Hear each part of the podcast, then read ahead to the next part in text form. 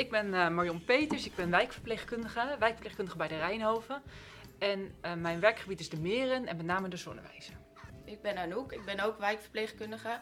De wijken waar ik werk zijn Vleuten en de Meer. Waarom is dit zo leuk? Um, nou, met dit weer is het fantastisch.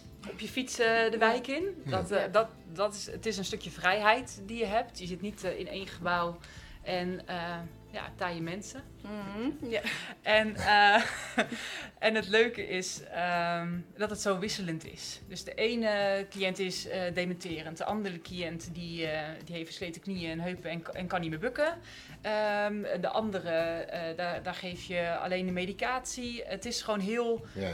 wisselend wat je, wat voor zorg je inzet. En dat vind ik vooral heel leuk. En dan heb je weer iemand die die jou ook even vertelt hoe het, hoe het moet. En de andere keer dan neem jij weer ergens, moet je weer meer de regie nemen en probeer je weer iemand te sturen. Ja, ja. Dus het is uh, ja, heel wisselend is het. Heel, uh, heel gevarieerd. Elke dag is eigenlijk anders, ieder moment is anders. Want ja.